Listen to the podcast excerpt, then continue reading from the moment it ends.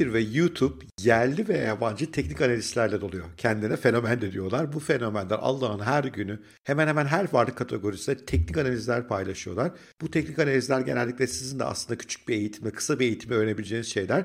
Biraz tecrübelerini ekliyorlar ve fiyatlar yukarı mı gidecek, aşağı mı gidecek bu konularda tahminlerde bulunmaya çalışıyorlar. Aslında en çok yapmaya çalıştıkları şey de pazarı zamanlamak. Yani ne demek zamanlamak? Dibi bulmak ve zirveyi bulmak. Dibi bulup oradan alıma geçmek, zirvede de satmak. Böylece gün içerisinde sürekli işlemler yapıp para kazanmak veyahut da en azından kısa periyotlarda büyük gelirlere ulaşmak. Hele bunu bile tuttururlarsa acayip havalar atıyorlar. İşte ben tutturdum herkes roket atarken ben dibi göreceğiz dedim. Bakın ben haklı çıktım veya herkes dibi göreceğiz derken ben roket atmıştım gördünüz mü nasıl da morardınız tarzında böyle oldukça olgun ve seviyeli tartışmalara başlatıyorlar hemen. Bu arkadaşların yapmaya çalıştığı şey yatırımcılık dilinde timing the market yani pazarı zamanlamak deniyor.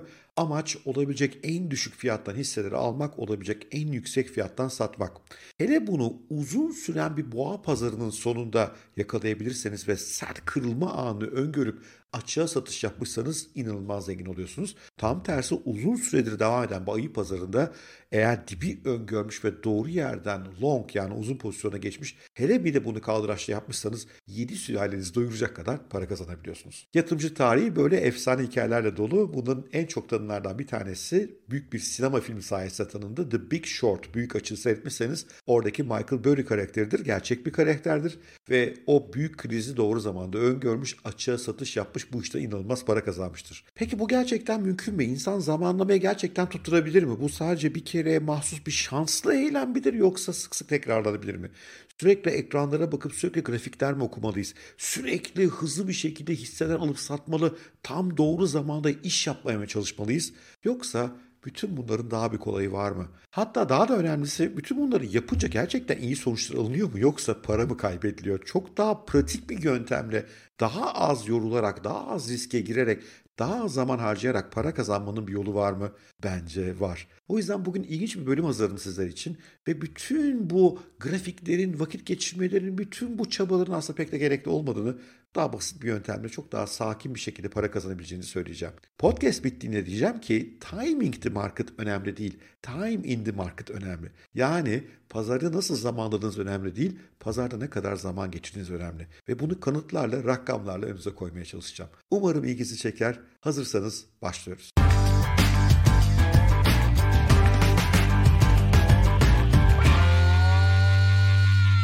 Evet başlamasına başlayalım ama size önce bir küçük önerim var. Benim eşim Pınar Özken harika bir e-rehber yazdı. Yani bir dijital kitapçık finansal özgürlük hakkında. Çünkü finansal özgürlük sadece doğru yatırım yapmaktan geçmiyor. Gelirinizi artırmanız lazım, tasarruf yapmanız lazım, para biriktirmeniz lazım, dengeli bir yaşam tarzınız olması lazım. Bütün bunları anlattı harika bir e-rehber.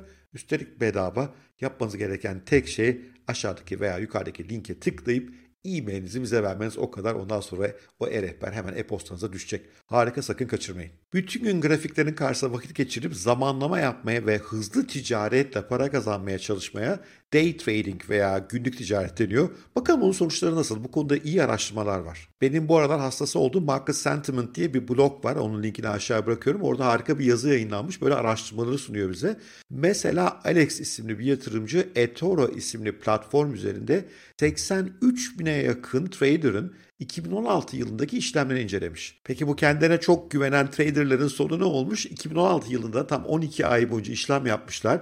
Hemen hemen her gün işlem yapmışlar. Grafiklerden kafalarını hiç kaldırmamışlar. Ve %80'i bu insanların para kaybetmiş. Toplamda da ortalamaya baktığımızda %36'sı sermayenin erimiş. Aynı blog yazısında iki araştırmanın daha sonuçlarına yer veriliyor. Bir tanesi 2010 yılında University of California'da yapılmış ve araştırma day trading yapan, günlük işlem yapanların sadece %1.6'sının karlı olduğunu göstermiş. Bir diğer çalışmada 2019'da gerçekleşmiş Day Trading for a Living yani para kazanmak için günlük işlemde kar var mı böyle bir araştırma onun sonuçları da oldukça berbat. Brezilya'da gerçekleşen bu çalışmaya göre katılımcıların %97'si 300 gün içerisinde para kaybetmişler. Sadece %1.1'i Brezilya'daki minimum maaş kadar para kazanmışlar. %0.5'i biraz daha anlamlı bir banka gişe görevlisi kadar para kazanmışlar. Yani öyle ben işleri bırakayım trader olayım diyorsanız buna pek de güvenmeyin. Tabii şu anda aranızda ben çok daha iyi bir trader olabilirim, ben çok daha cilim diyenler olabilir ama büyük rakamlara baktığımızda sonuçlar böyle. Ben de daha etrafımda daily trade yapıp bundan para kazanan birisini görmedim. Ama yatırımcılıktan gerçekten para kazanan birileri var. Bunların en önemlisi de herhalde Warren Buffett. Warren Buffett'ın efsanevi yatırım sonuçlarını onun doğru hisse senetlerini seçmesine, doğru zamanlamalar yapmasına bağlayan çok insan var. Hatta bu konuda 2000'in üzerinde kitap yazılmış. Ama başarısının arkasında aslında çok daha basit bir şey var. Kimse bunu konuşmuyor. Buffett neredeyse 75 yıl boyunca yatırım yapmış. Yani 3 çeyrek 100 yıl boyunca yatırımcılık yapmış ve neredeyse hiç hisselerini satmamış. Esas başarısı burada çok basit bir matematiği var bu işin. 10 yaşından itibaren yatırım yapmış Buffett. Bugün baktığımızda 84,5 milyar dolarlık serveti var. Fakat biliyor musunuz bunun 81,5 milyar doları 65 yaşından sonra gelmiş. Daha önce değil. Daha da ilginci Buffett bu dev servetin tam 84.2 milyar dolarını 50. doğum günden sonra yaratmış. Yani eğer 50 yaşında yatırımcılığı bıraksaydı kabaca 250 milyon dolarlık bir servetle sahnelerden çekilmiş olacaktı. Tabii dev bir para ama yatırımcı devlerinden bir tanesi asla olamazdı bu rakamla. Bu bölümü hazırlarken bolca yararlandığım The Psychology of Money, Morgan Housel'ın kitabında diyor ki herkesin iddia ettiğin aksine aslında Buffett'ın başarısı hisseler seçmek zamanlama değil, tek bir başarısı var. Çok uzun süre ve çok istikrarlı bir şekilde pazarın içinde kalmış olması. 10 yaşında ilk yatırımını yapan Buffett'ın 30 yaşına geldiğinde 1 milyon doları varmış. Yani onu bugünkü paraya çekersek kabaca 9.3 milyon dolardan bahsediyoruz. Yazar Morgan buradan yola çıkarak bir düşünce egzersizi yapıyor. Benim gerçekten çok ilgimi çekti. Sizlerle de paylaşmak istiyorum. Morgan burada bir hayali kişilik yaratıyor. Bu hayali kişilik Buffett gibi genç yaşlarda yatırımcılığa başlamıyor. 20'li yaşlarını biraz gezip tozarak geçiriyor. 30'lu yaşlara geldiğinde de ilk yatırımını 25 bin dolarla yapıyor. Daha sonra Buffett'ın yıllık getirisi olan, getiri oranı olan %22'yi o da tutturuyor. Yani Buffett kadar doğru seçimler yapıyor, doğru zamanlamayla yapıyor. Ama 80'li yaşlarına kadar değil de 60'lı yaşlarına kadar yatırım yapıyor. Sonra emekli olup kendi torunlarına veriyor. Şimdi hatırlayalım Buffett 10 yaşına başladı. Bugün geldiğimizde 84,5 milyar doları var. Bu hayali karakterimiz ise sadece 11.9 milyon dolarla sahadan çekiliyor olacaktı. Yani Buffett'ın %99.9 daha altı. Üstelik o da Buffett gibi %22'lik ortalamayı tutturuyor. Yani iyi bir yatırımcı ama daha kısa süre yatırım yapıyor.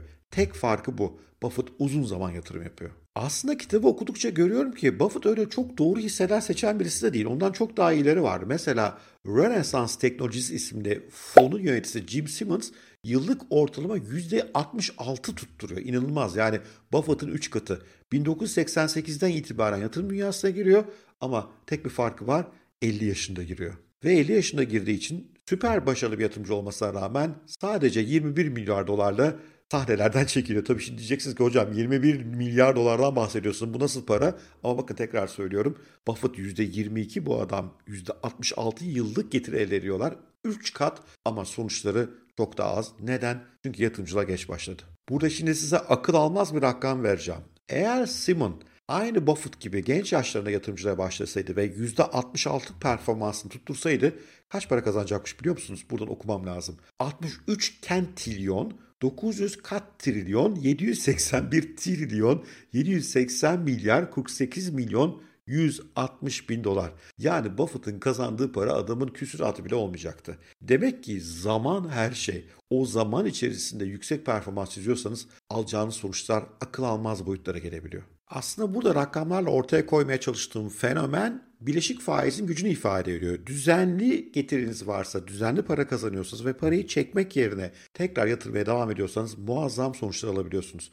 Fakat bunun için lineer düşünmekten vazgeçip üstel düşünebilmek lazım. O da çok kolay değil. Zihnimize çok uygun değil. Ne demek zihnimize uygun değil? Zihnimiz lineer düşünmeyi seviyor. Mesela 9 kere 8 deyince kolay hemen hesaplıyor 72. Ama 8'i 9 kez kendisiyle çarp yani 8'in 9. kuvveti hesapla deyince işler biraz karışıyor. Oysa aslında bileşik faiz çalışıyor. Yani düzenli küçük yatırımlara üst üste bindirdiğiniz zaman üstel bir değer kazanımı elde ediyorsunuz. 9 kere 8 sadece 72 ederken 8'in 9. kuvveti 134 milyon 217 bin 728 ediyor. Çarpıcı değil mi? Aslında bunu başka bir örnekle, bambaşka bir alandan bir örnekle anlatmak istiyorum. Hafıza kartlarından. IBM'in 1950'lerde ürettiği ilk hafıza kartlarının kapasitesi sadece 3.5 MB. 1970'lerde yani 20 yıl sonra 70 MB'a ulaşabiliyorlar. 1980'lere gelindiğinde 500 MB'lık hafıza kartları ortaya çıkmaya başlıyor. Ama sonra birdenbire iş değişiyor, kopuyor. Çünkü oradan sonra üstel büyümenin ve bileşik faizin gücü devreye giriyor.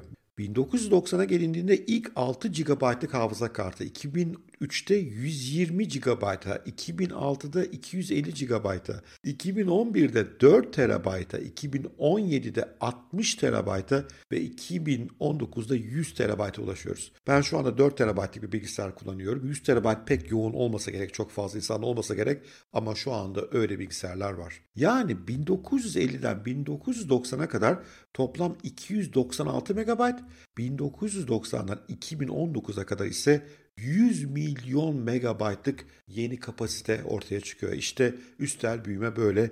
Sakince yatırmaya devam edin. Sabırlı olun, sakin olun muazzam rakamlara kavuşacaksınız. Bileşik faiz büyüleyici. Dünyanın en iyi hisse seçicisi olmanıza gerek yok. Karmaşık teknik analizler yapmanıza, pazarı en dipten alıp en üste satmanıza gerek yok. Sadece sakin olmanız ve beğendiğiniz uzun vadede güçlü olduğu inandığınız varlıklara düzenli yatırım yapmanız lazım. Tabii o varlıkta bir değişim görüyorsanız örneğin yatırım yaptığınız şirketin işleri iyi gitmiyor, satışları düşüyor vesaire o zaman başka. Yatırım yaptığınız varlık iyi gidiyorsa sorun yok. Endeks fonu dediğimiz yani atıyorum S&P 500 fonu gibi yerlere yatırım yapmışsanız hiç dert etmeyin çünkü bir şirket batsa öbürü çıkıyor. Bu durumda sakin, istikrarlı, uzun vadeli yatırım tek ilacımız aslında. Tam da bu nedenle mümkün olduğunca genç yaşta başlamalısınız yatırımcılığa. Çünkü Warren Buffett'ın örneğinden hatırlayın ne kadar erken o kadar iyi. Erken başlayın düzenli alın. Diyebilirsiniz ki hocam Türk borsasında bunlar olur mu pek emin değilim. Niye? Çünkü Türk borsası uzun yıllardır geriye gidiyor. Ama kripto alabilirsiniz. Amerikan borsana yatırım yapabilirsiniz. Altın gibi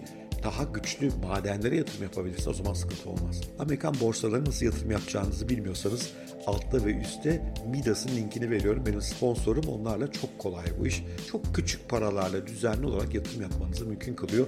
İster hisse senetleri isterseniz de hisse senetleri toplamına oluşan fonlara. Oralarda güvenli olursunuz ama dediğim gibi mesele uzun vadeli düşünmek.